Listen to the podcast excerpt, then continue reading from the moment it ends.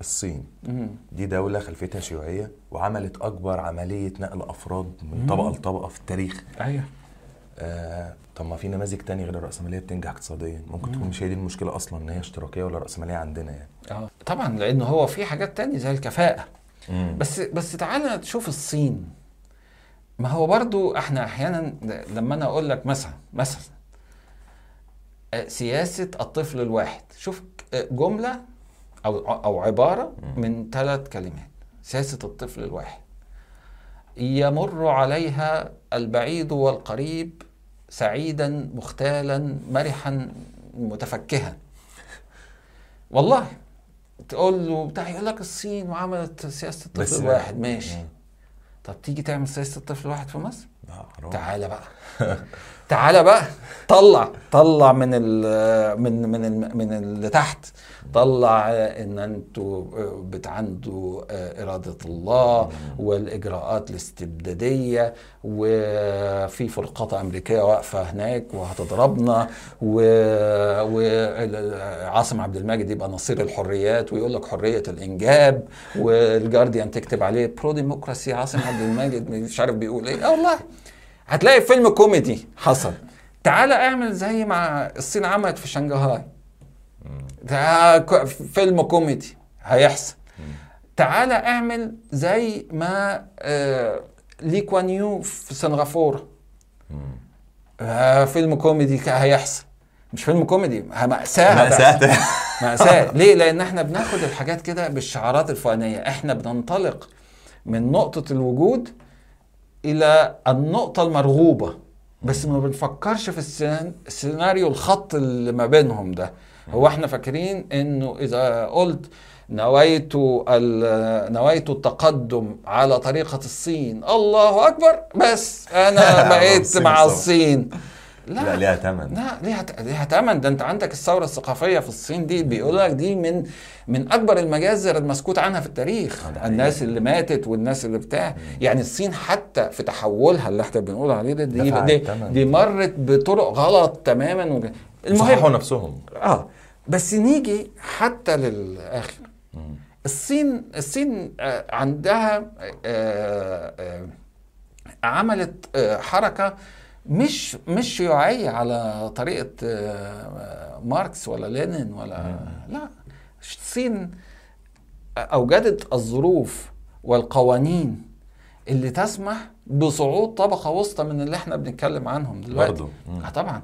آه، عشان كده الصين دلوقتي عندها أكبر عدد من الدارسين في جامعات أجنبية في العالم. عدد الصينيين اللي بيدرسوا في إنجلترا أكبر من عدد الأيرلنديين اللي بيدرسوا في يا انجلترا نهار أبيض. آه. اللي جنبهم. ده آه. باحصائيه ده اللي جنبهم دول ده, ده اللي هو أهل البلد. ما أنت إيرلندا أيوة، أيوة، الشمالية دي آه. ضمن بريطانيا. فانت فأنت عندك عدد الصينيين اللي بيدرسوا في إنجلترا أكبر من عدد الأيرلنديين اللي بيدرسوا في إنجلترا.